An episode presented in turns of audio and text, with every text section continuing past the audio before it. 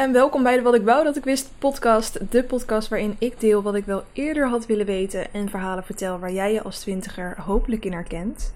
Het is vandaag een uh, speciale aflevering voor mij, want het is mijn jubileumaflevering.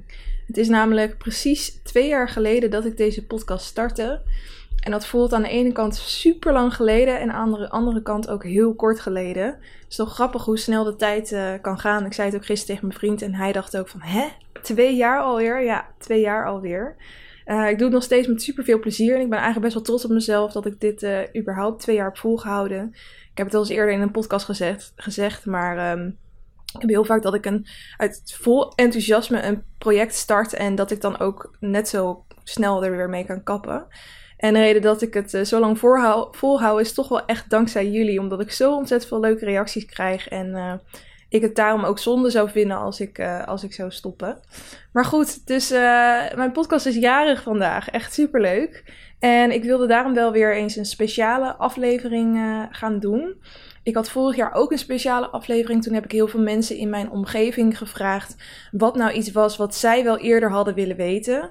Vond ik super leuk om te maken. Die aflevering zitten dus heel veel um, uh, geluidsopnames van ja, vrienden, familie van mij in, maar ook van luisteraars. Dus luister die zeker ook nog een keertje als je die nog nooit hebt gehoord.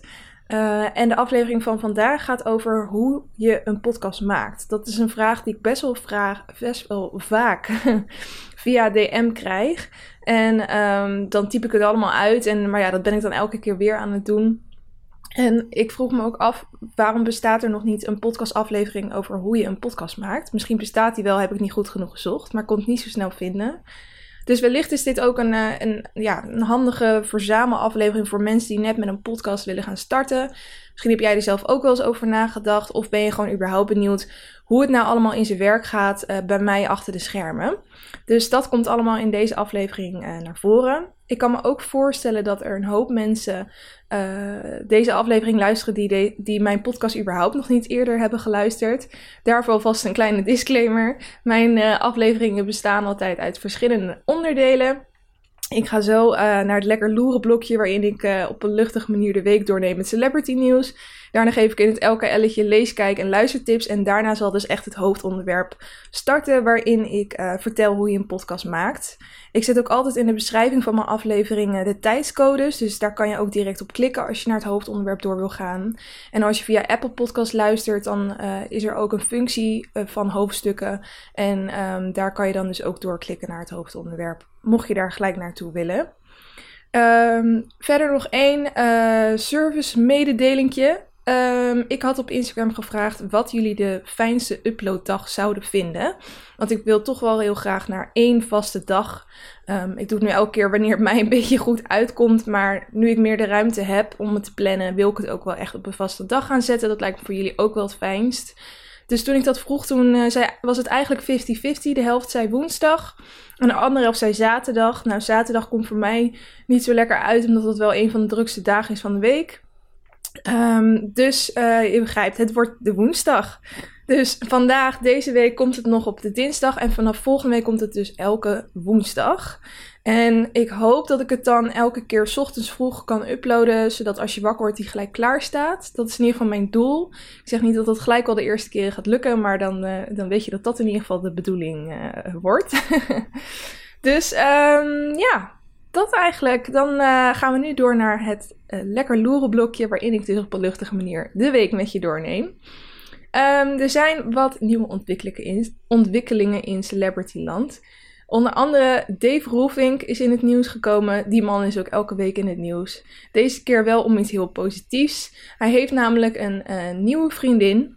En um, hij was natuurlijk, volgens mij was dat dit jaar nog wel, of eind vorig, nee, was eind vorig jaar denk ik. Dat hij met Julia Lever, dat was natuurlijk zijn vriendinnetje, daar had hij een huis mee gekocht, daar had hij een hond mee. En daar was het toen mee uitgegaan. En dat was nog een heel ding. Volgens mij was er toen nog best wel dat ze modder gingen gooien naar elkaar achteraf. Want hij had de hond gehouden en daar had zij weer een bericht over op uh, Instagram gezet van...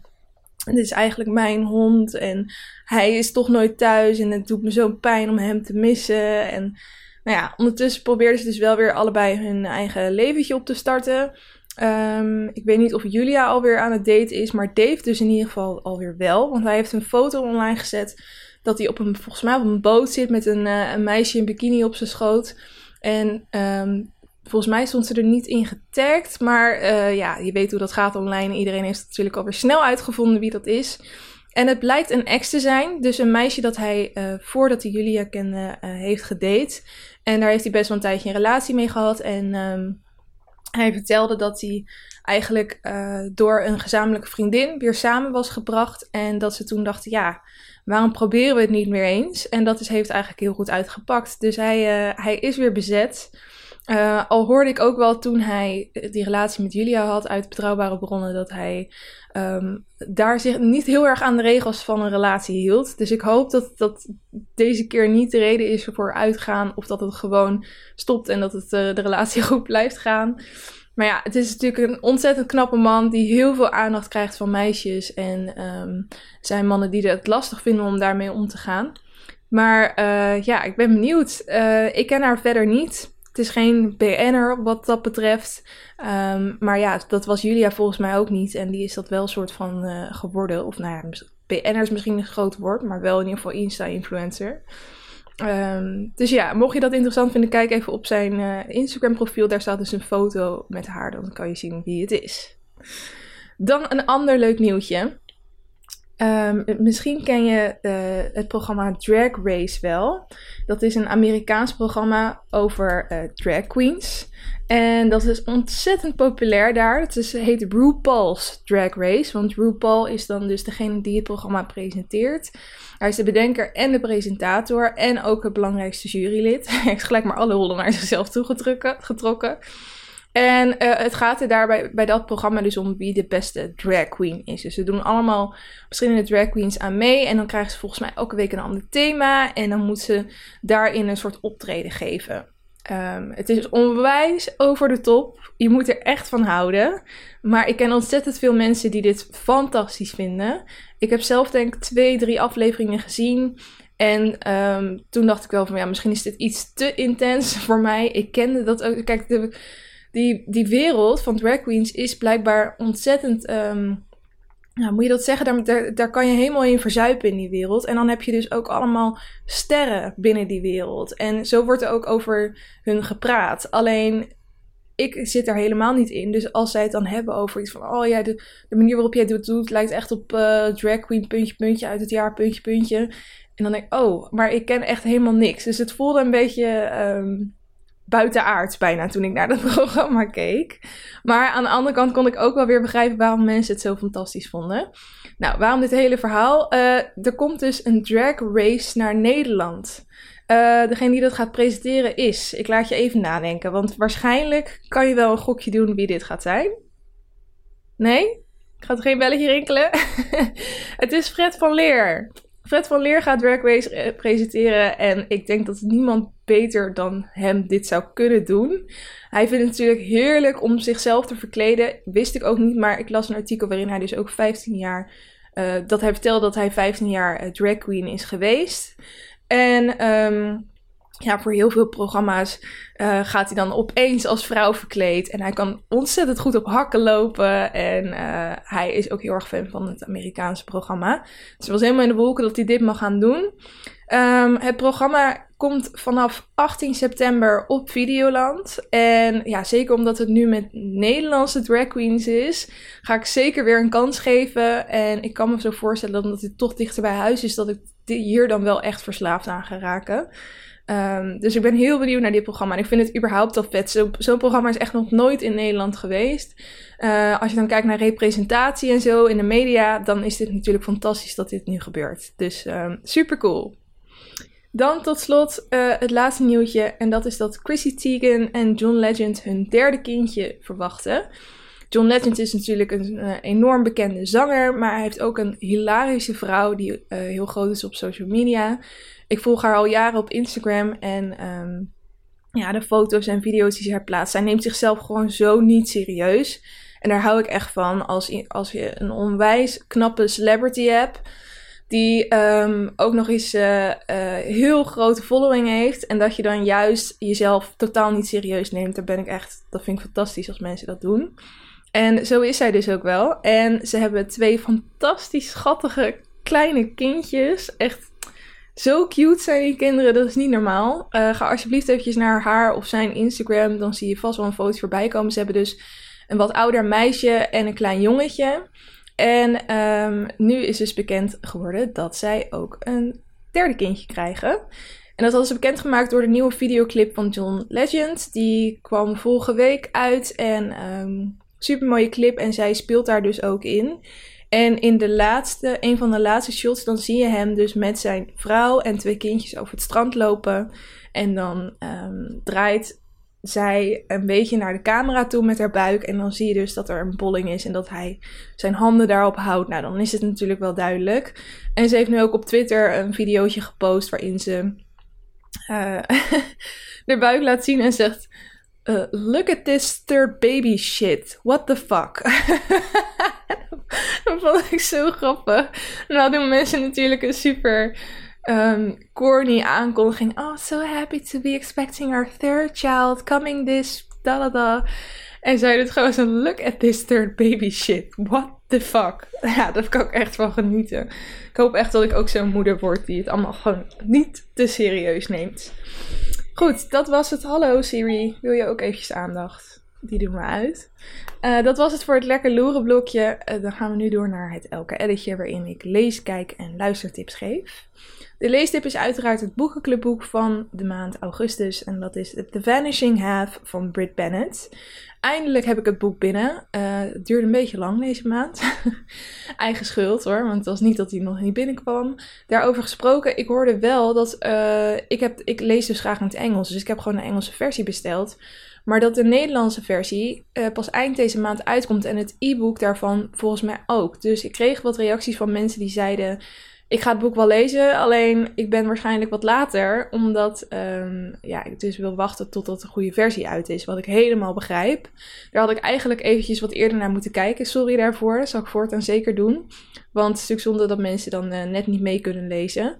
Um, maar ik ga zeker nog wel een, een, recensie doen aan het eind van deze maand. En ja, wat die mensen zelf ook al zeiden, dan wachten we even tot we die luisteren. En dan um, kan je die op het moment dat je het boek uit hebt gewoon luisteren, zodat je geen spoilers krijgt.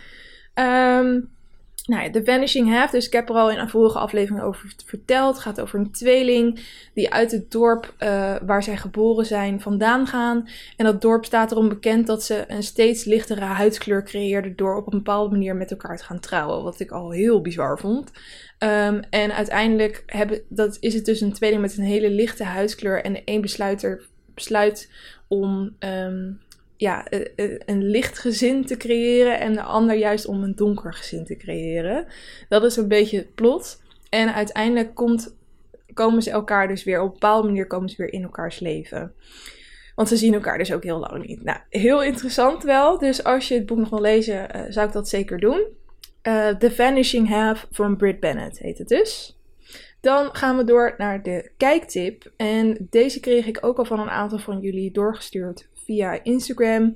En het was ook zo'n serie die dan bij mij als header verscheen als ik Netflix opende. En dat zijn volgens mij toch altijd wel titels waarvan ze weten: dit ga jij wel leuk vinden.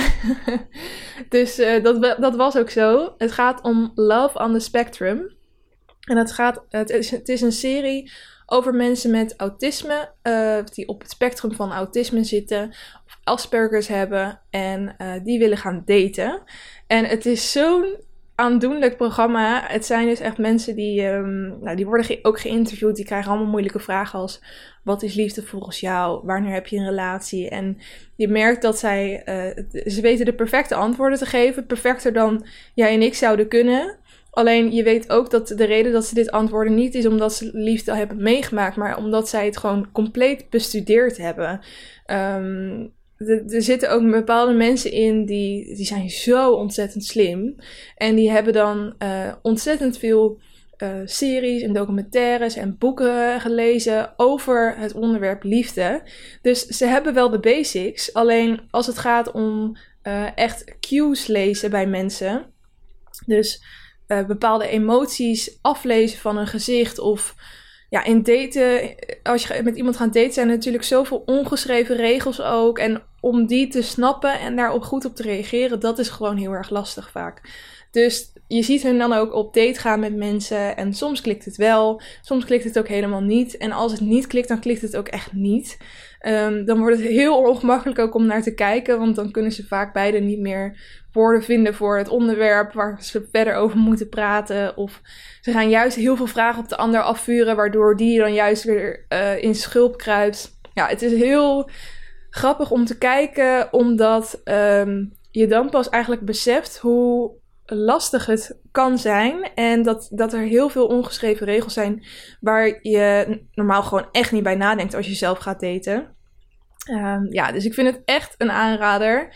Uh, ik had niet verwacht dat ik het zo leuk zou vinden eigenlijk, maar ik, ik uh, ben echt verslaafd. En dit is zo'n serie die ik dan met mijn vriend heb aangeklikt. Dus nu moet ik ook elke keer wachten totdat hij thuis is, dat we het weer verder kunnen kijken. En dat vind ik dan bloedirritant dat ik dan nu weer moet gaan wachten. uh, maar mega tip dus dit. En verder ben ik afgelopen week naar een uh, buitenbioscoop geweest. Ik vind dat zo'n heerlijk concept. Ik wou echt dat we dat veel vaker konden doen. Alleen dat was dus tijdens de hittegolf. Toen was het s'avonds al een beetje afgekoeld tot 25 graden. En toen zaten we dus op een uh, dak. Het heet uh, Restaurant Bureau, als je het kent. Het zit in Amsterdam-Zuid, net iets buiten de grens volgens mij, buiten de ring. En daar hadden ze dus een super mooi dakterras, hadden ze een groot scherm neergezet. En kon je daar zo dus naar de film en lekker drankjes bestellen. Uh, tijdens de film ook kwamen ze popcorn brengen. Nou, het was helemaal fantastisch. Um, maar ze draaiden wel films die al een tijdje uit waren, maar die wel uh, ja, echt klassiekers zijn.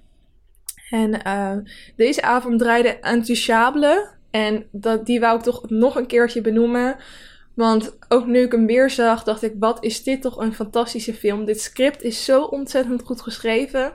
Um, ik denk dat iedereen de film wel kent, maar voor wie hem echt niet kent, nog even kort te beschrijven. Het is een Franse film, maar laat je daardoor absoluut niet tegenhouden. Want nou, je hebt natuurlijk sowieso een ondertiteling, maar het is ook een ontzettend goed script. Um, maar het gaat erom dat er een, een, man in een rolstoel zit. Hij is verlamd van zijn nek naar beneden. En hij heeft een nieuwe verzorger nodig. En er komen heel veel mensen op gesprek. En het zijn allemaal mensen die fantastische studies hebben gedaan die um, uh, precies weten wat ze moeten doen. Alleen ze zijn allemaal super saai. En het is toch iemand waar die man uh, ze, ja, toch wel een grote van zijn leven mee door moet brengen. Omdat het zijn verzorger is en hij 24-7 verzorging nodig heeft. En dan komt er iemand binnen die uh, simpelweg zijn uitkering wil halen. En hij krijgt zijn uitkering pas als hij kan laten zien dat hij drie keer gesolliciteerd heeft op een baan. Dus hij komt echt zo binnen van, joh, ik weet dat jullie mij niet willen hebben, maar zet eventjes een handtekening op dit papiertje. En dan ben ik heel snel weer weg. Kunnen jullie weer door met die serieuze sollicitaties? En op een of andere manier vindt die man in die rolstoel dat wel heel interessant. Want het is een, een jonge gast uh, uit een achterwijk. En uh, die uh, best wel veel humor blijkt te hebben. Hij is niet bang om te zeggen waar het op staat. Hij is, uh, doet, weet je, als je in een rolstoel zit, dan gaan heel veel mensen al heel snel medelijden met je hebben. Of um, nou ja, op hun tenen lopen. En dat deed deze man dus absoluut niet. En dat vond hij heel interessant. Dus hij haalt hem terug en hij zegt: Weet je, ik wil jou hebben. Ja, maar ik heb helemaal niet gesolliciteerd. Maakt me niet uit. Uh, dit is het bedrag. Als je het wil doen, uh, heb je boven een eigen slaapkamer. Nou, het is natuurlijk super deluxe huis. Dus die man weet niet wat hij meemaakt. Uh, en uiteindelijk wordt hij dus ook zijn verzorger. En dan gaan ze echt samen de meest hilarische dingen meemaken. Meer zou ik niet vertellen, want je moet hem gewoon kijken van mij als je deze film nog niet hebt gezien. Dat moet. Um, ja, dus ik wou hem nog gewoon nog eventjes tippen. En sowieso zo'n buitenbioscoop, zoek ook eventjes op of dat nog gaande is bij jou in de buurt. Want dat is zo ontzettend leuk om te doen. Of misschien heb je zelf wel zo'n beamer. Uh, zet dat eens een keer buiten neer. Dat is echt zo leuk om te doen. Oké, ik ga door naar de luistertip. Dit is een tip die ik ook via uh, een van jullie via Instagram DM heb gekregen. En dat is een uh, podcast en hij, die podcast heet Hurry Slowly. Ik heb zelf nog niet de kans gehad om hem uh, te luisteren. Ik heb wel de trailer geluisterd en toen dacht ik, ja, dit, dit, is, dit ga ik sowieso luisteren. En dit is iets wat voor heel veel uh, mensen interessant is. Um, het is het doel van de podcast is om te bewijzen dat je door dat je productiever kan zijn door juist ehm, langzamer te gaan. Dus, dus proving you can be more productive by slowing down. Uh, een quote even uit. We feel more meaning in our lives when we are able to take our time. Leveling up by slowing down. En zij gaat dus allemaal gesprekken houden met onderzoekers, artiesten, entrepreneurs. Uh, in totaal wel 30 interviews die ze doet. En um, daarmee probeert ze dus te bewijzen dat druk zijn eigenlijk niet altijd voordelig is. En zeker niet prijswaardig. Want je hebt zo vaak dat je een gesprek met iemand hebt en dan zeg en hoe is het? Ja, ja, druk, druk, druk, druk. Oh, allemaal dingen te doen. En dan denken we ook, ja, op een of andere manier sla ik dan altijd dicht of zo. En denk oh, oh, wat goed, wat goed of zo. Maar in principe hoeft dat zeker niet goed te zijn. Kijk maar naar alle burn-outs in onze generatie. Um, maar ook, eh, zeker in de westerse cultuur, ligt er zo'n ontzettend grote nadruk op productiviteit. En ik merk dat ook aan mezelf, dat ik het liefst elk moment van de dag productief wil hebben besteed. En als ik dat niet heb gedaan, dat ik dan s'avonds in mijn bed lig te balen. Um, Terwijl je juist uit de, uit de momenten van rust heel veel creativiteit kan halen, uh, veel meer ruimte hebt om effectief dingen aan te pakken nou ja, het heeft gewoon heel veel voordelen. En um, dat probeert ze dus te bewijzen met uh, uh, tien podcastafleveringen. En uh, die, in die tien podcastafleveringen zijn dus 30 interviews verwerkt met allemaal ja, experts, maar ook mensen die er gewoon direct ervaring mee hebben. En um, ik vind het super interessant. Dus het heet Hurry Slowly. Um, en ik denk dat die wel op elk podcastplatform staat. Ik had hem zelf in ieder geval op Spotify gevonden, dus daar staat hij sowieso.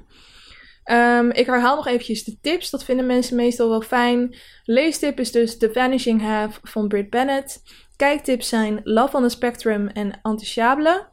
Uh, en de luistertip is de podcast Hurry Slowly. Goed, dan is het nu tijd om door te gaan naar het hoofdonderwerp. Hoe maak je een podcast? Nou, ik heb dit helemaal uitgedacht hoe ik dit aan jullie wilde vertellen. En eigenlijk zijn er vijf verschillende onderwerpen. Eén is het concept. Twee is branding.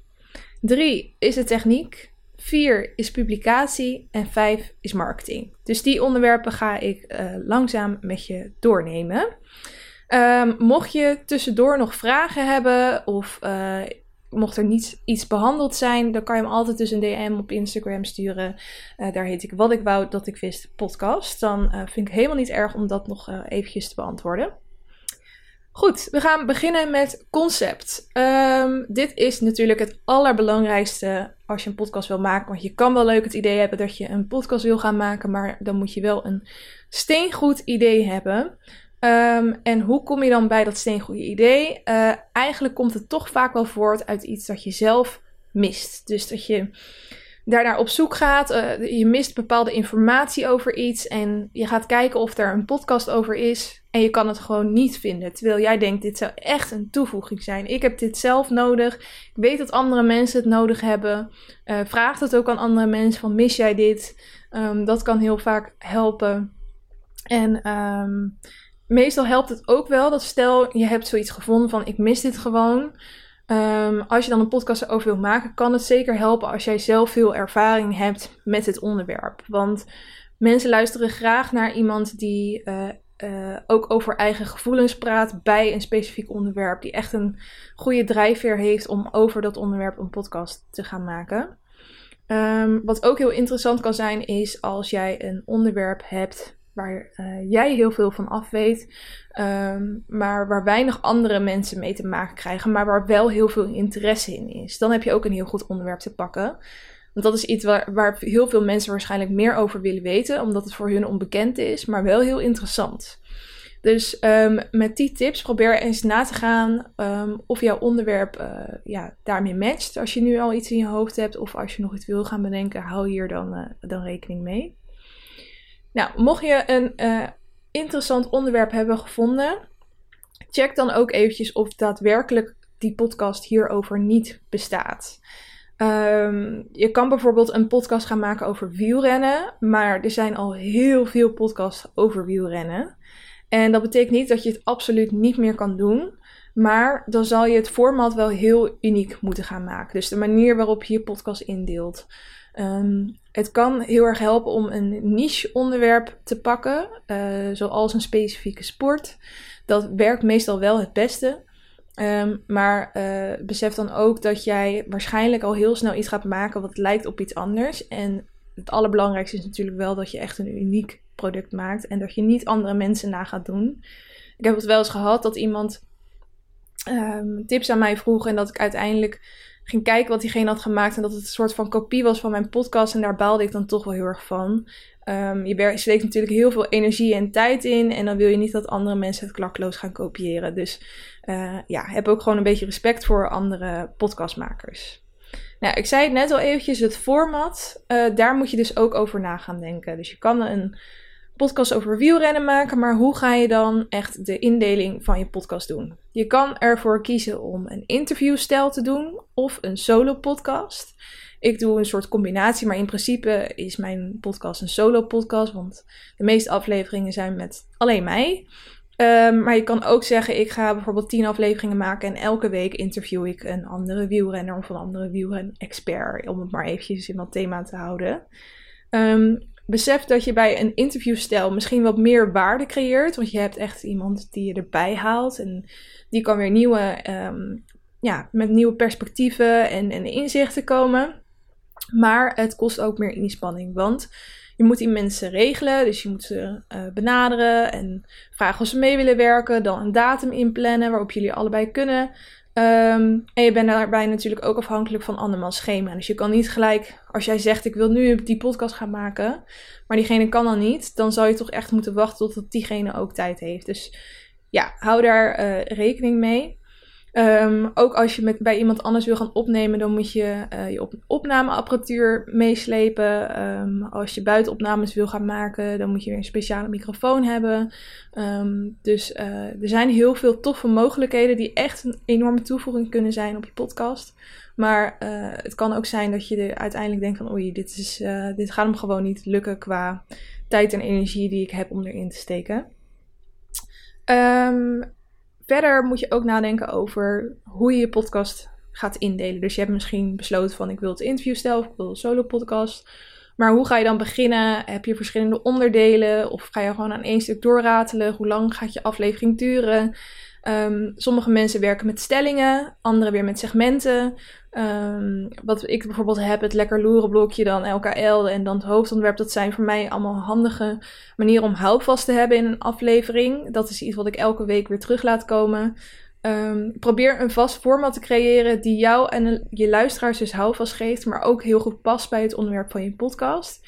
En ook belangrijk dat het elke week weer te herhalen is. Dus als je een heel specifiek segmentje maakt en je kan daar maar max vijf dingen voor bedenken, dan ga je op een gegeven moment vastlopen. Dus op het moment dat jij je podcast gaat uitdenken, is het handig om eventjes ook op te schrijven van wat je allemaal met die segmenten kan. Kan je echt minstens 50 ideeën bedenken, dan uh, is dat helemaal perfect. Of als je al in je hoofd hebt dat je 10 afleveringen wil doen en je kan er 10 bedenken, is dat ook helemaal goed. Uh, maar hou daar uh, rekening mee. Verder, qua schema moet je ook eventjes na gaan denken. Wil je wekelijks gaan uploaden, twee wekelijks, maandelijks?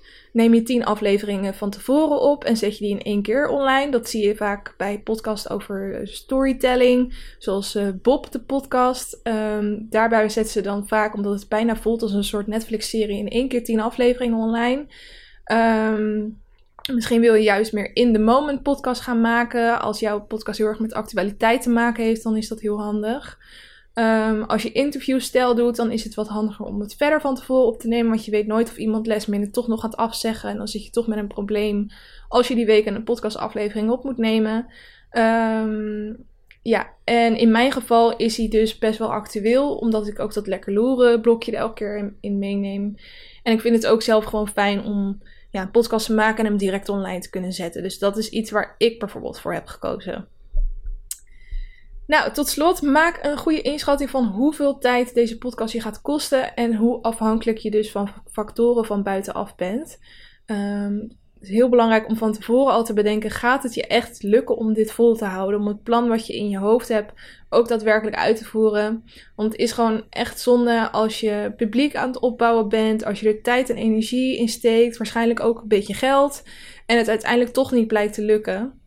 Dat is gewoon zonde voor jou, maar ook voor eh, het publiek dat je misschien al opgebouwd hebt. Dus uh, ja, probeer wel echt eventjes een goede inschatting van tevoren te maken of dit iets is wat jij uh, daadwerkelijk aan kan. Nou, dat over het concept. Dan gaan we door naar branding. Uh, als jouw concept staat, dan is het tijd om over branding na te gaan denken. Uh, denk hierbij aan je cover art, je jingle, een eventuele trailer, maar ook aan misschien online toevoegingen. Wil je een website bouwen met meer informatie? Wil je social media accounts aanmaken om contact met je publiek te hebben? Dit zijn allemaal dingen die bij branding komen kijken. Nou, laten we even beginnen met je cover art. Dat is dus de omslagafbeelding.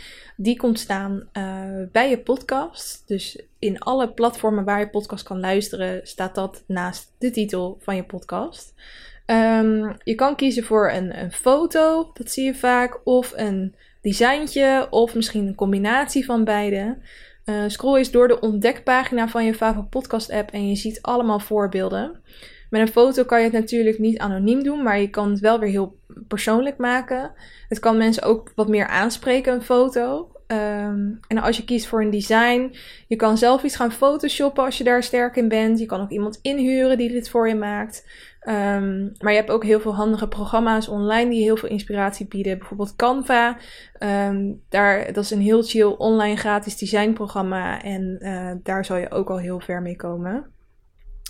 Uh, de titel is natuurlijk ook ontzettend belangrijk. Um, eigenlijk moet jouw titel al uh, zeggen wat de podcast ongeveer inhoudt, zonder te veel weg te geven. Het wordt, mag natuurlijk ook geen hele lange titel zijn. Eigenlijk is mijn titel echt al aan de lange kant. Um, ja, je zal niet overal ook evenveel tekens kwijt kunnen, dus hou daar wel echt rekening mee. Uh, het moet gewoon iets, iets pakkends zijn en je mag hier best wel eventjes een langere tijd over nadenken. Um, je kan bijvoorbeeld zo'n wordcloud maken, zodat je het onderwerp van je podcast in het midden zet en dan allemaal woorden eromheen zet die daarmee te maken hebben. En uh, daar dan iets leuks van maken. Um, en uiteindelijk kan je die titel natuurlijk ook weer op een bepaalde manier in je cover art verwerken, mocht je dat leuk vinden. Dan uh, de jingle. De jingle is wat mensen als eerst horen als ze je podcast aanzetten. Dus je wil hierbij eigenlijk al de vibe pakken van je podcast zelf. Een soort van uh, dat mensen helemaal in een mood raken van, oh ja, dit, dit is wat voor podcast dit is. Um, dus is het een spannend luisterverhaal, dan wil je misschien een soort mysterieus muziekje vooraf. Is het een heel serieus gesprek, dan wil je misschien iets dat doet denken aan de opening van het nieuws. Of is het een super bubbly, positieve inspiratiepodcast, dan wil je misschien ook wel een heel bubbly muziekje erbij.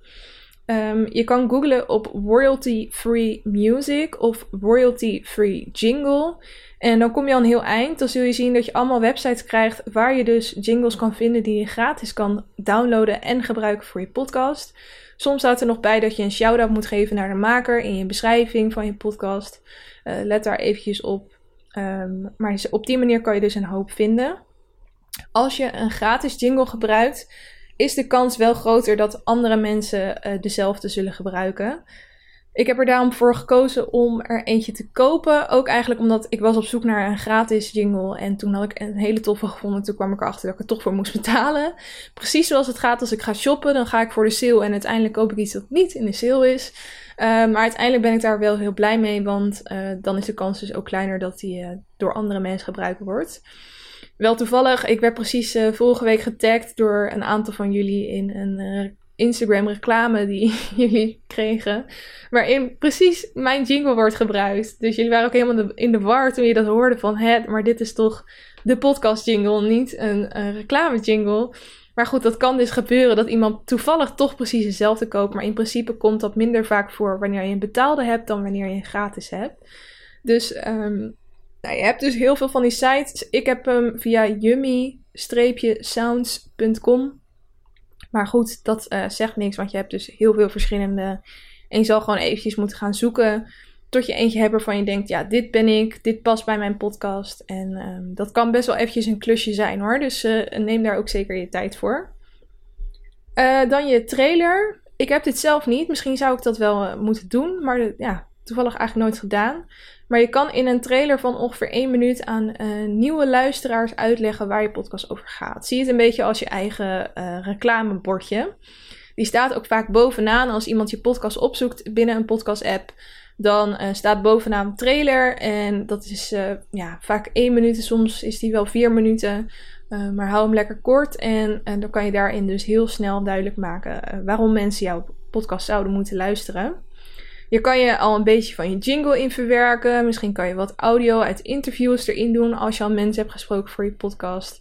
Um, maar eigenlijk uh, ondersteun je hem vooral met je eigen stem, waarin je uh, een soort korte uitleg geeft van waar de podcast over gaat, voor wie het bedoeld is, welk doel er de podcast heeft. Uh, nou ja, dat een beetje. Ik ga dat een keer doen. Dus ik, ik, zit het nu te vertellen en ik denk dat is eigenlijk super handig voor mensen.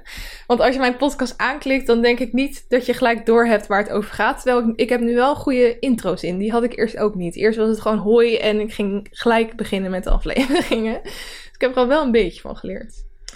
Uh, dan je online uitingen, bijvoorbeeld je site. Um, je hoeft niet per se een website te hebben. Ik zou dit eigenlijk alleen doen als je echt extra content of informatie ergens online wil zetten en je weet niet waar je dat anders kwijt kan. Want een site bouwen kost toch weer tijd en geld. En um, ja, in de praktijk wordt er weinig op die site gezeten. Uh, het kan wel ook handig zijn als je op een gegeven moment echt een grotere podcast hebt en je wil bijvoorbeeld met sponsors gaan werken. Bedrijven houden gewoon heel erg van een overzichtelijke site waar ze naartoe kunnen gaan, waar alle informatie op staat, waar een contactformulier staat, et cetera.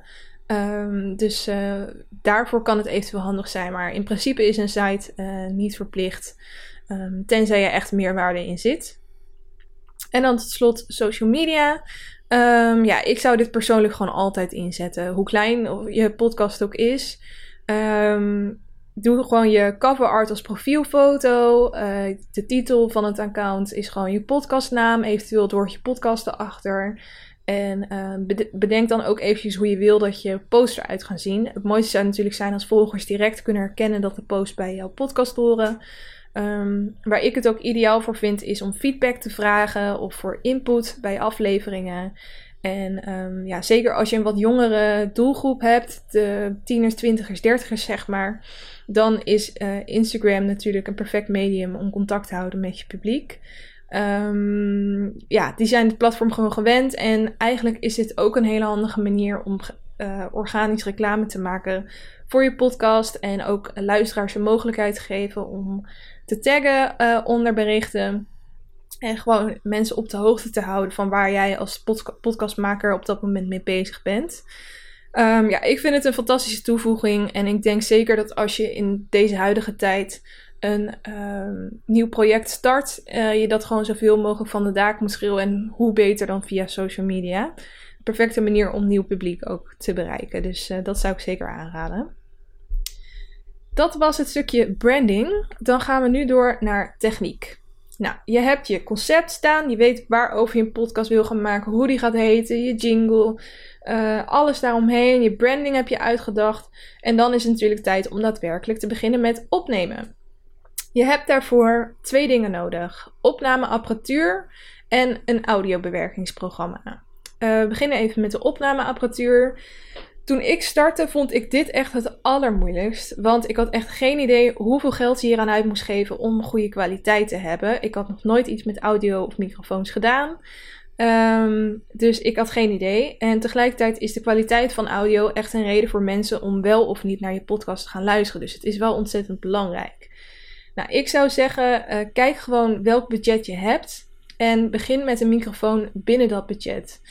Um, je kan namelijk achteraf een hoop doen met audiobewerking. En het allerbelangrijkste bij opnemen is eigenlijk de omgeving waarin je opneemt. Als je in een muisstille uh, ruimte waar weinig galm is op kan nemen, uh, dan kom je eigenlijk al een heel eind. Ook al heb je een goedkope microfoon. Die van mij is namelijk ook niet heel duur, daar zal ik straks op komen. Um, daarnaast heb je door de, tegenwoordig door de populariteit van podcast ook microfoons die online specifiek worden aangeraden voor het opnemen van podcast. Dus als je googelt op podcastmicrofoon, dan zal je ook al best wel wat aanraders krijgen. Dus uh, dat is ook een goede tip. Ik ben uh, zelf begonnen met een USB-microfoon. Dus dat is eentje die je direct in je laptop kan steken. Um, je hebt ook XLR-microfoons. Dat is uh, het verschil. Je hebt een USB-microfoon en een XLR-microfoon. Nou, USB, het woord zegt het zelf eigenlijk al. Die steek je dus gewoon direct in je USB-ingang. Een XLR-microfoon is een microfoon waarbij een apparaat tussen je microfoon en je laptop moet zetten, namelijk een audio interface. En dit apparaat kan handig zijn als je met meerdere mensen gaat opnemen, want in een audio interface kan je meerdere microfoons pluggen. Ehm, dus als je solo opneemt, dan is een USB-microfoon prima, want dan heb je er als het goed is maar één. Die doe je er gewoon direct in. Ik heb zelf heel lang een USB-microfoon gebruikt aan het begin en dat heet de Samsung Go Mic. Um, heel klein apparaatje die heel makkelijk gewoon in je broekzak kan stoppen. En um, eigenlijk is hij volgens mij bedoeld voor gamers, want je kan hem dan op je laptop. Uh, zit een soort knijpertje aan, die zet je dan op je laptop. En dan uh, kan je dus uh, ja, gamen, weet ik hoe dat gaat. ik zie mijn vriend wel eens doen. Maar um, ja, ik vond het dus ook heel handig om podcast op te nemen. Uh, dus dat is wel een aanrader, die was heel cheap ook. Ik heb daar ook de aflevering op de boot op, uh, mee opgenomen.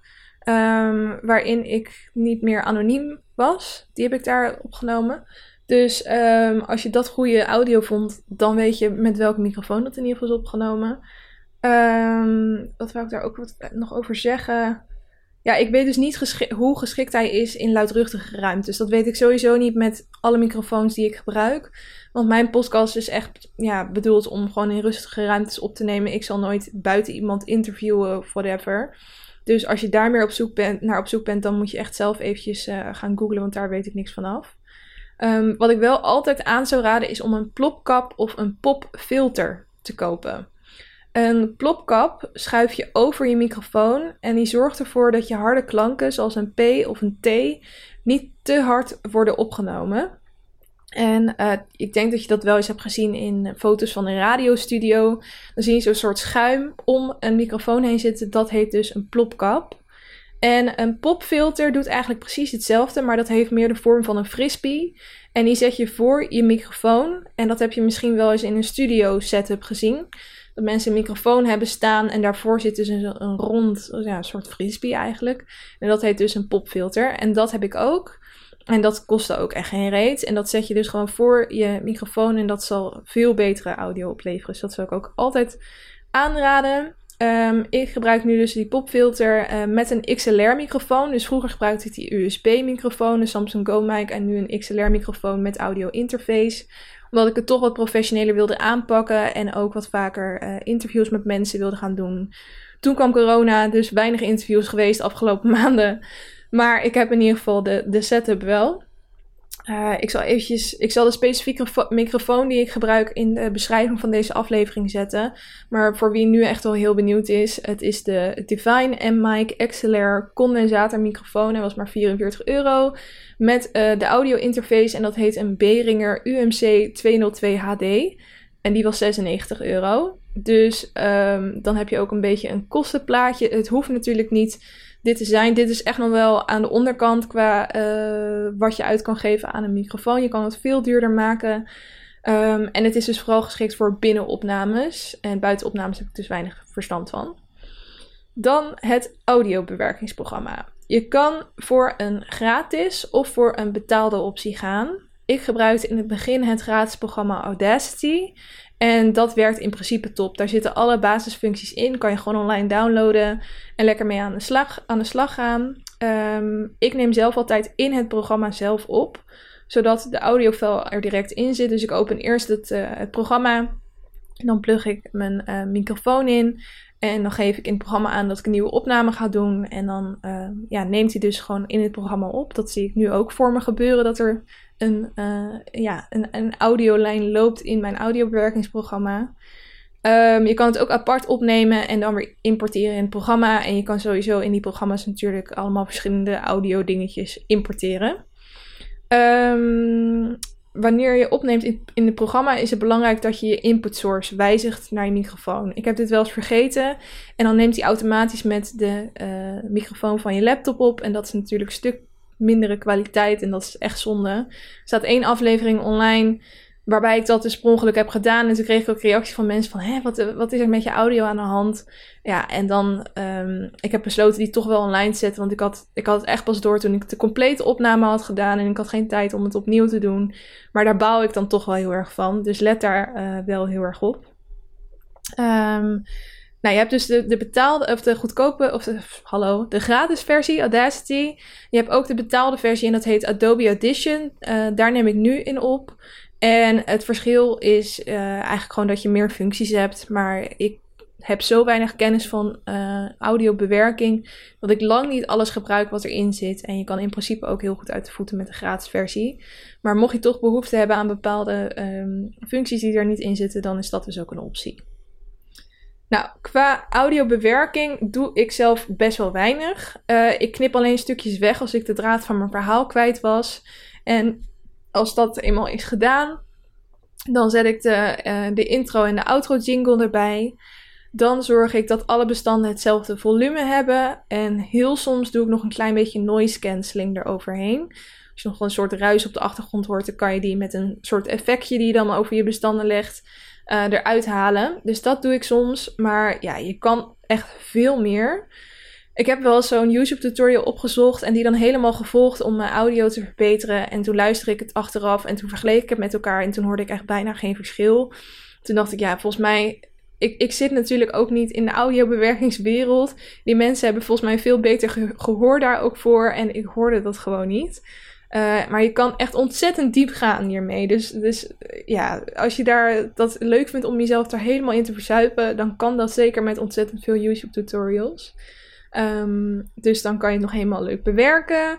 En tot slot is het dan dus alleen nog een kwestie van exporteren als MP3 en dan heb je je bestand of WAV, maar ik doe altijd MP3. Dat zijn allebei audio uh, exporteermogelijkheden.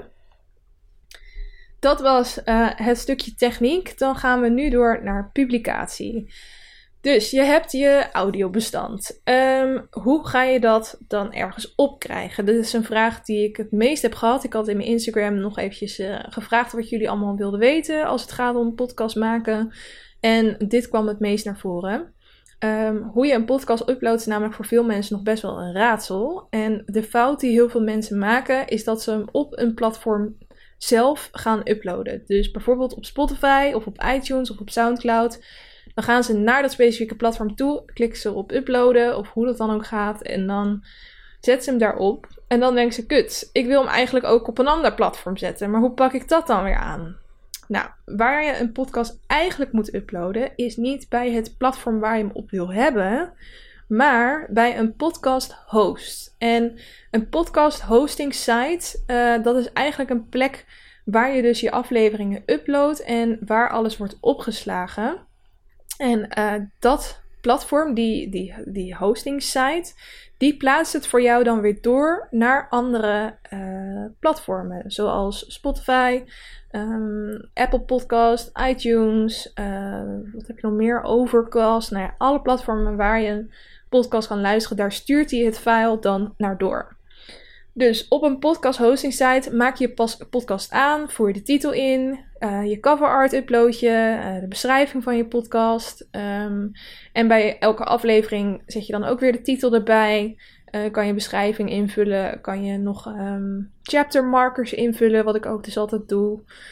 Nou, van alles. En dan kan je dus naar je export, ja, hoe heet dat eigenlijk? De um, uitvoermogelijkheden, exportmogelijkheden. Nou, in ieder geval, dan is er ook een soort van uh, instelling minuutje waarbij je dus kan aangeven waar je het allemaal naar door wil zetten. Dus dan kan je aanvinken, ja, ik wil het naar Spotify, ik wil het naar iTunes, ik wil het naar dit, ik wil het naar dat. En dan gaat hij dat, dat dus voor jou doen op het moment dat jij binnen je podcast hosting site uh, een file hebt geüpload. Het handige hieraan is dat jij je podcast maar op één plek hoeft te uploaden en hij het dus automatisch overal online zet. Dus dat is echt ideaal. Um, het nadeel is dat het wel iets kost. Het kost niet veel, maar wel iets. Ik gebruik uh, Buzzsprout, B-U-Z-Z, Sprout, Spruit, zeg maar in het Engels. En daar ben ik heel blij mee. Die werd ook online het meest aangeraden. En uh, als je daar bijvoorbeeld maximaal drie uur per maand wil uploaden, betaal je 12 dollar per maand. En als je meer wil, dus bijvoorbeeld maximaal 6 uur per maand, dan kost het 18 dollar per maand om het te uploaden. Uh, er is ook wel een gratis versie van Buzzsprout, um, waarbij je twee uur audiomateriaal per maand kan uploaden. Maar dan blijven je afleveringen maar 90 dagen online staan. En ja, dat wil je waarschijnlijk niet. Um, je kan ook nog zoeken naar andere podcast hosts. Er zijn er ontzettend veel. Ik weet dat ze in Amerika bijvoorbeeld veel gebruik maken van Podbean en van Anchor. Ehm, maar er zijn, ja, zoals ik al zei, zijn er ontzettend veel ook allemaal artikelen waarin ze vergeleken worden. Ik zou zelf Buzzsprout gebruiken. Ehm, maar misschien zijn er wel uh, andere podcast hosting sites waarbij je gratis mogelijkheden hebben waarbij je veel meer audiomateriaal kan uploaden. Ik heb geen idee. Um, je krijgt er trouwens bij Buzzsprout ook een gratis website bij en zo'n eh, RSS-feed uh, linkje. Dus als je dat als je bijvoorbeeld zelf al een website hebt en je wil dat uh, er een soort player op komt om je, om je podcast te luisteren, dan kan je het linkje van je RSS-feed daarbij doen. En dan komt die dus ook op je website staan. Um, volgens mij krijg je bij elke podcast hosting site wel een RSS-feed. Uh, linkje. Um, en niet, bij, niet overal een gratis website. Ik gebruik die gratis website van Buzzsprout trouwens niet, omdat ik al gewoon een normale website een keer heb gemaakt. Um, maar dat is ook wel goed om te weten. Nou, dat wat betreft de publicatie. Dan gaan we door naar het allerlaatste onderwerp en dat is marketing. Want je hebt nu een podcast gemaakt. Uh, hij staat online. Je eerste aflevering. Gefeliciteerd. Maar hoe ga je er nu voor zorgen dat mensen ook daadwerkelijk gaan luisteren naar je podcast? Nou, het allermakkelijkste is natuurlijk om je eigen netwerk in te zetten. Vertel het aan mensen op verjaardagen. Post het op al je social media kanalen. Vier ook successen als je eindelijk een aantal luisteraars hebt bereikt. Dat je dat weer lekker post, uh, overal linkjes plaatst. Uh, schreeuw het gewoon van de daken, dat is de makkelijkste manier. Heb je een niche podcast, dus nou, om maar weer over eventjes op wielrennen terug te komen. Stel je hebt een podcast over wielrennen. Ga dan ook nadenken, waar zitten de wielrenners? Uh, online bijvoorbeeld, misschien is er wel een wielrennersforum wat heel groot is. Of een Facebookgroep waar je je podcast in kan delen. Uh, dan is dat een ja, hele goede plek om uh, mensen op de hoogte te brengen van het bestaan van je podcast. Um, wie weet mag je ook wel promotie maken bij een wielrennerswinkel en daar een soort kaartjes of flyers neerleggen of zo. Probeer gewoon zo breed mogelijk te denken over waar zit mijn publiek en hoe kan ik hun duidelijk maken dat mijn podcast bestaat en dat het dus iets voor hun is. Um, Verder uh, kan je natuurlijk gesponsorde post inzetten. Ik heb helemaal in het begin, toen ik echt nog nul luisteraars had, en ik deed natuurlijk ook nog anoniem, dus ik kon mijn eigen netwerk niet inzetten, heb ik een uh, sponsoring op Insta Stories gedaan. Bestond uit drie slides of zo, en ik had er volgens mij ja, maar 50 euro of zo achter gezet. En dat liep dan drie dagen en uh, dan konden mensen omhoog swipen en mijn podcast luisteren. Ja, daar kwam niet echt super veel resultaat op. Maar omdat Spotify toen opmerkte dat mijn podcast nieuw was en opeens een kleine luisteraarsboost kreeg, uh, hadden ze mij op de uitgelicht pagina uh, van um, podcast Spotify gezet. En daardoor kreeg ik opeens uh, een enorme groeiboost. Omdat ja, er waren nog best wel weinig podcasts zoals die van mij. En ik viel best wel op tussen alle politiek, nieuws en wetenschapspodcasts. Stond er opeens zo'n gezellig roze, ro roze-rood vlakje tussen waar het ging over twintigers, dilemma's. Dus um, dat hielp mij toen heel erg. Maar ja, ga er niet vanuit dat op het moment dat jij een podcast aanmaakt, dat jij nu op de uitgelichtpagina komt. Want er is inmiddels echt zo ontzettend veel concurrentie. Dat lukt mij zelf ook niet meer. Um, maar ja, je kan er dus voor kiezen om sponsoring in te gaan zetten.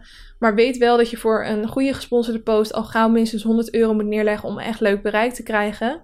En je moet er ook wel een Facebook en Instagram account voor hebben. Want zoals ik het bijvoorbeeld had gedaan met die uh, Insta-stories um, uh, promotie, uh, dan komt er dus ook een account bovenaan te staan. En daarvoor heb ik dus toen ook wel een Instagram-account aangemaakt. Dat wilde ik sowieso al.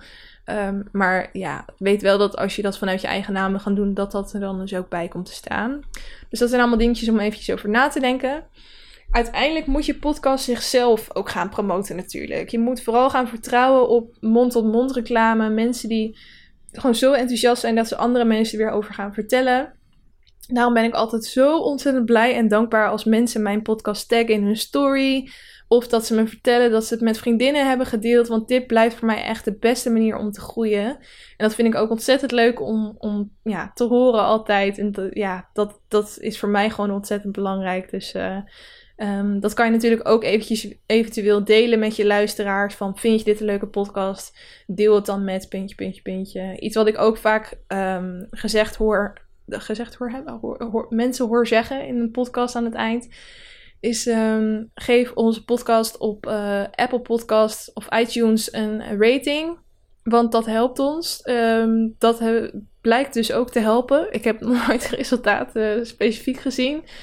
Ehm, die van mij wordt vooral op Spotify geluisterd, dus dat, daar doe ik niet eens moeite voor. Maar dat kan je dus eventueel ook inzetten. Ehm, ja, dat eigenlijk. Dat was het voor het marketinggedeelte. Er waren er nog wat vragen die ik niet heb behandeld, maar die uh, wel waren gesteld via Insta Stories. Dus die zou ik ook nog eventjes uh, behandelen. Um, hoe heb je geleerd om zo lang in je eentje te spreken? Nou, um, eigenlijk gewoon doen, natuurlijk. uh, en ik schrijf ook wel een groot gedeelte uit. Dus als ik iets wil uh, vertellen, dan heb ik um, altijd notities voor me staan. Um, dat, dat, daar staan dan een soort van bullet points waarover ik wil praten. En op het moment dat. Ik heb ook heel vaak dat ik gewoon vastloop. En dat ik niet meer uit mijn woorden kom. Dat ik niet meer weet wat ik wil zeggen. En dan zet ik hem eventjes op pauze. En dan verzamel ik weer eventjes mijn gedachten. Stiep ik eventjes het wil iets uit hoe ik het wil zeggen. En dan uh, ga ik weer verder met opnemen. Dus het is niet zo dat ik gewoon een microfoon aanzet. En dan drie kwartier ga lullen zonder enkele voorbereiding. Dat absoluut niet. Dus ja, het is deels gewoon uh, heel veel oefenen. En ook um, goede voorbereiding en um, bullet points ernaast. Ben je niet nerveus? Oh, wacht. Wat doe je tijdens het opnemen van de podcast als je even niet meer weet wat je wou zeggen? Nou, ik zet hem dan dus op pauze en dan ga ik even nadenken van... Oké, waar wilde ik nou heen hiermee? dan kijk ik nog eventjes in mijn aantekeningen. En meestal weet ik het dan wel weer en dan start ik de opname weer. Ben je niet nerveus dat die microfoon alles opneemt wat je zegt? Perfectionisme struggles. Ja, enorm. Dat is ook de reden dat ik geen enkele van mijn afleveringen terugluister. Heel erg. Dat zou ik eigenlijk wel moeten doen om er weer van te kunnen leren. Maar ik ben echt enorm perfectionistisch ook. En ik weet zeker als ik dan hoor hoe vaak ik uh zeg of stopwoordjes gebruik of dat ik niet uit mijn woorden kom, dat ik denk, jezus, ik haal hem er nu direct af en uh, dat, dat gaan we helemaal anders doen. En dat wil ik eigenlijk ook voorkomen, want op het moment dat ik heel, heel veel ga editen in een podcast, dan denk ik dat je dat ook gaat horen. En dan wordt het zo'n soort van kort geknipt YouTube filmpje wat heel happy snappy is. En ik vind het juist leuk dat het aanvoelt als een gesprek. Dus ik uh, probeer dat ook een beetje te voorkomen. Maar ja, ik deal zeker met perfectionisme struggles. En dat is ook de reden dat ik het bijna niet terugluister. Um, mocht het gebeuren dat ik wel echt compleet in de knoop zit, dan uh, zet ik het natuurlijk wel stil. En dan knip ik er een stukje uit en dan ga ik weer verder met opnemen. Um, hoe blijf je een lange tijd gemotiveerd om consequent content te leveren? Uh, ik zei het eigenlijk al aan het begin. Dat komt eigenlijk ook wel grotendeels door de feedback die ik, uh, die ik krijg. Um, ik heb ook wel eens periodes gehad dat ik dacht, nou, ik vind het wel weer mooi geweest. Alleen als ik dan een, week niet upload of zo, dan kreeg ik al berichten van wanneer komt een nieuwe aflevering? Wil je een keer hier iets over plaatsen?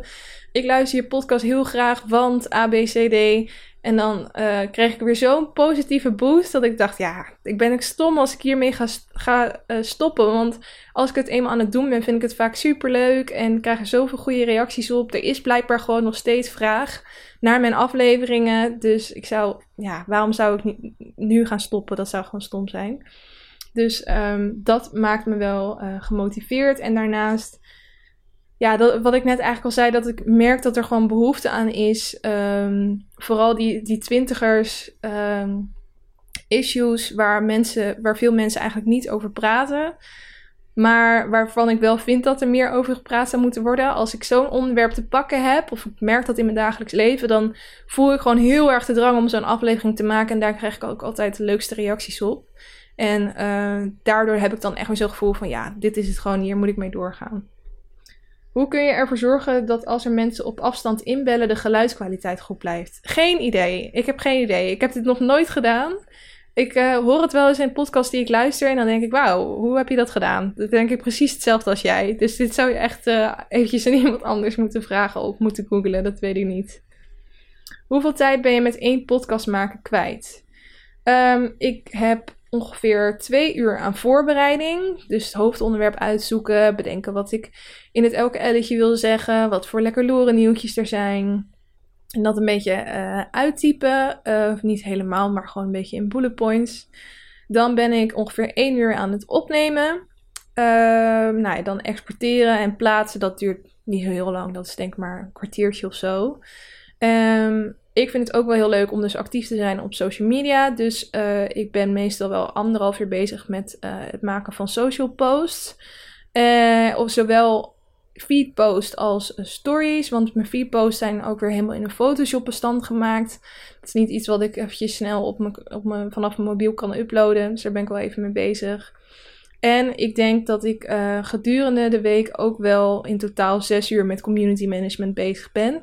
Dus echt het contact met jullie via DM, via als ik ergens in getagd ben. Um, nou, dat eigenlijk. En dat uh, had ik niet per se van tevoren uitgedacht om er zo lang mee bezig te zijn. Maar dat vind ik gewoon heel leuk om te doen. Dus dat doe ik automatisch. En dat is ook makkelijk te doen als ik s'avonds op de bank zit. Um, een beetje spraakberichten van jullie luisteren of uh, berichtjes typen. Dus daar heb ik ook helemaal geen moeite mee. Maar als ik het. Ik had het eigenlijk nog nooit bedacht hoeveel uur ik er totaal aan kwijt ben aan mijn podcast. En als ik het nu zo op een rijtje zie, dan denk ik, oh, oh ja, het is eigenlijk toch best wel wat uur. Um, maar ik doe het met liefde, dus dat vind ik helemaal niet erg. Moet je een computer hebben? Ja, dat is wel handig, want je moet het er, toch ergens online uploaden. Uh, en editen is ook wel handig op een computer. Heb je een contract met Spotify, ook voor adverteren? Nee, ik heb geen contract met Spotify. Ik uh, um, ja, heb het gewoon aangevinkt binnen mijn podcast hosting site Buzzsprout dat het daar naartoe gaat. Dus daar hoef ik niks voor uh, af te sluiten met Spotify. En voor adverteren, ik adverteer niet op Spotify. Ik weet eigenlijk überhaupt niet of dat kan. Uh, ja, dat moet wel kunnen. Dat je zo'n audioberichtje tussendoor doet. Zeg, voor mensen die dan niet een betaalde Spotify hebben, dan krijgen ze natuurlijk zo'n reclame tussendoor. Uh, maar dat heb ik nog nooit gedaan. Dus nee, ik heb geen contract met Spotify. Heb je voor je een laptop of tekst staan met wat je ongeveer wil gaan bespreken? Nou, dat antwoord ik net al. Ja, dat heb ik. En gebeurt het vaak dat je je podcast een paar keer opnieuw opneemt? Nou, ik heb nooit dat ik een podcast helemaal opnieuw opneem. Maar ik heb wel eens dat ik me verspreek. En dan doe ik eigenlijk, omdat ik in het programma opneem, zet ik dan de opname eventjes op pauze. En dan uh, haal ik hem weer weg. Of ik kan ook eventueel na de opname teruggaan en kijken waar ik pauzemomentjes had. En dat dan een beetje bijknippen. Dus dat doe ik wel. Uh, ze zei ook, heb je bloopers? ja, alleen die heb ik niet opgeslagen. Die heb ik dan heel snel weer eruit geknipt. Maar ik heb heel vaak dat ik uh, helemaal aan het begin, als ik begin met opnemen, uh, wil checken of de audio goed is. En dan zeg ik echt de gekste dingen om maar gewoon uh, spraak van mij te hebben om te checken of het goed gaat. dat is zo grappig geweest als ik dat allemaal bewaard en achter elkaar had gezet. Maar nee, dat heb ik dus helaas niet. Oké, dat waren de vragen. Dan heb je nu eigenlijk een heel goed plaatje van hoe het in zijn werk gaat, een podcast opnemen. Ik heb ook nog iets leuks, want ik uh, heb dit wel eens eerder in een aflevering gezegd. Uh, en nu wil ik dat ook echt gaan doen. Ik wil namelijk een Facebookgroep opstarten, of dat heb ik gedaan, um, over het maken van een podcast. Dus uh, daar kunnen allemaal mensen in die een podcast hebben, die een podcast maken. En dan kunnen we elkaar vragen stellen over nou ja, allerlei onderwerpen die ook in deze aflevering voorbij zijn gekomen. Hoe pak jij ABC aan? Um, of heb je tips voor puntje, puntje, puntje? Dan kunnen we elkaar gewoon wat beter ondersteunen. Ik zat te zoeken of dat er was um, uh, voor Nederland specifiek, maar dat kon ik niet vinden. Dus ik dacht, weet je, ik ga het gewoon zelf uh, opstarten en allemaal podcastmakers voor uitnodigen. Dus ik ga ook wat uh, podcastmakers die ik ken berichtjes sturen. Um, maar mocht jij zelf ook iets maken, uh, laat me dat dan eventjes weten. Um, of uh, meld je er eigenlijk gewoon voor aan. Dat lijkt me het handigst. Het heet uh, Podcasters Nederland. Dus als je op die groep zoekt, dan zou je het wel kunnen vinden. En ik zal ook eventjes een linkje zetten in mijn Instagram-account. Dus als je op de link in mijn bio klikt, bij wat ik wou dat ik wist podcast Instagram, dan vind je ook een button om direct naar de groep te gaan. Dus ja, super handig lijkt mij. Uh, ook voor mezelf om gewoon af en toe vragen te kunnen stellen. Tot slot uh, een kleine hardloop-update. Ik ben natuurlijk weer met een challenge bezig. En die challenge is om in de maand augustus uiteindelijk 5 kilometer te kunnen gaan hardlopen. Um, ja, we zitten nu wel over de helft. En ik ben nog niet bij, week, bij de goede week om zeg maar op schema te lopen. Want ik ben dus met zo'n hardloopschema bezig. En uh, aan het begin van deze maand zat ik bij week 6. En je moet uiteindelijk naar week 9. En dan zou je dus 5 kilometer kunnen lopen. Maar um, vanwege de hittegolf wat, ja, in die dagen was het gewoon niet te doen om buiten te hardlopen. Ik kwam wel heel veel mensen tegen die het aan het doen waren. En die zagen er ook niet goed uit, moet ik zeggen. Dus uh, ik heb het eventjes laten rusten. Ik ben gisteren, toen was het uh, s'avonds om 8 uur 18 graden. Dat is perfect. Dus toen ben ik voor het eerst weer gaan hardlopen. En gelukkig was ik mijn progressie nog niet kwijtgeraakt. Want er zat toch al één of anderhalve week tussen. Um, dus ik ben het nu pas weer eigenlijk aan het op pakken. Dus ik zit nog steeds bij week 6. Dus ik denk dat ik het net niet ga redden. Maar wat ik ook al in een andere aflevering zei. Ik hoorde ook van mensen dat als je dit programma afrondt. Dat je dan een half uur achter elkaar kan rennen. Maar dat het niet per se 5 kilometer uh, zal zijn. Dus ik gok dat dit een challenge wordt die uh, nog even door gaat lopen in een andere maand. En uh, natuurlijk zal ik in die nieuwe maand ook een nieuwe challenge doen. Maar dan zou ik jullie ook op de hoogte houden van mijn progressie naar die 5 kilometer hardlopen ik ben in ieder geval heel trots dat ik het weer door heb gezet. Want toen ik gisteren um, naar buiten zat te kijken en zag dat het eigenlijk perfect hardloopweer was, had ik echt zoiets van: ja, maar hè, vind ik het nou echt wel zo leuk? Moet ik nou wel ermee verder gaan? Ik heb eigenlijk helemaal niet zoveel zin meer in. Ik was gewoon überhaupt vergeten hoe het voelde. En toen ik eenmaal weer was gegaan, toen uh, dacht ik, ja, dit, dit vind ik gewoon heel erg leuk. Ik hou er gewoon van om een doel voor ogen te hebben. En uh, een soort uitdaging te hebben. En als je een half uur gaat hardlopen, dan kan je ook niks anders dan hardlopen. Ik heb heel vaak dat ik, als ik tv zit kijken, dat ik toch mobiel erbij pak. Of dat ik meerdere dingen tegelijk aan het doen ben, waardoor je niet echt in het moment bent. En met hardlopen kan dat eigenlijk niet anders. Dus dat vond ik ook wel uh, weer chill. Dus uh, we gaan gewoon weer aan de slag. En ik hou jullie op de hoogte. Oké, uh, dat was deze aflevering. Um, heel erg bedankt voor het luisteren. En ook heel erg bedankt voor de afgelopen twee jaar. Als jij al zo'n lange luisteraar bent. Ik ben heel benieuwd hoe lang de mensen die nu luisteren al luisteren. Misschien heb je hem pas sinds een paar weken ontdekt. Of misschien ben je al een hele lange luisteraar. Ik ken ook mensen, of ken mensen, sturen mij mensen, mensen sturen mij wel eens een DM. Um, waarin ze me vertellen van ik heb hem net ontdekt en ik ben alles aan het terugluisteren. En dan, dan krijg ik altijd een soort mini-hyperventilatie, want ik heb dus werkelijk geen idee meer wat ik in die eerste afleveringen heb gezegd. En uh, je kan iemand natuurlijk dan opeens heel goed leren kennen als je, uh, wat is het, 88 uur aan beeld- of audiomateriaal uh, achter elkaar luistert van mij. Maar wel ook een enorme eer om, om dat te horen. Dus thanks alle luisteraars. Ik weet niet. Ik voel, ik voel me altijd een beetje ongemakkelijk met dit soort dingen. Maar ik vind het echt een enorme eer dat jullie allemaal naar mij luisteren. En ik wil daar toch echt eventjes voor bedanken.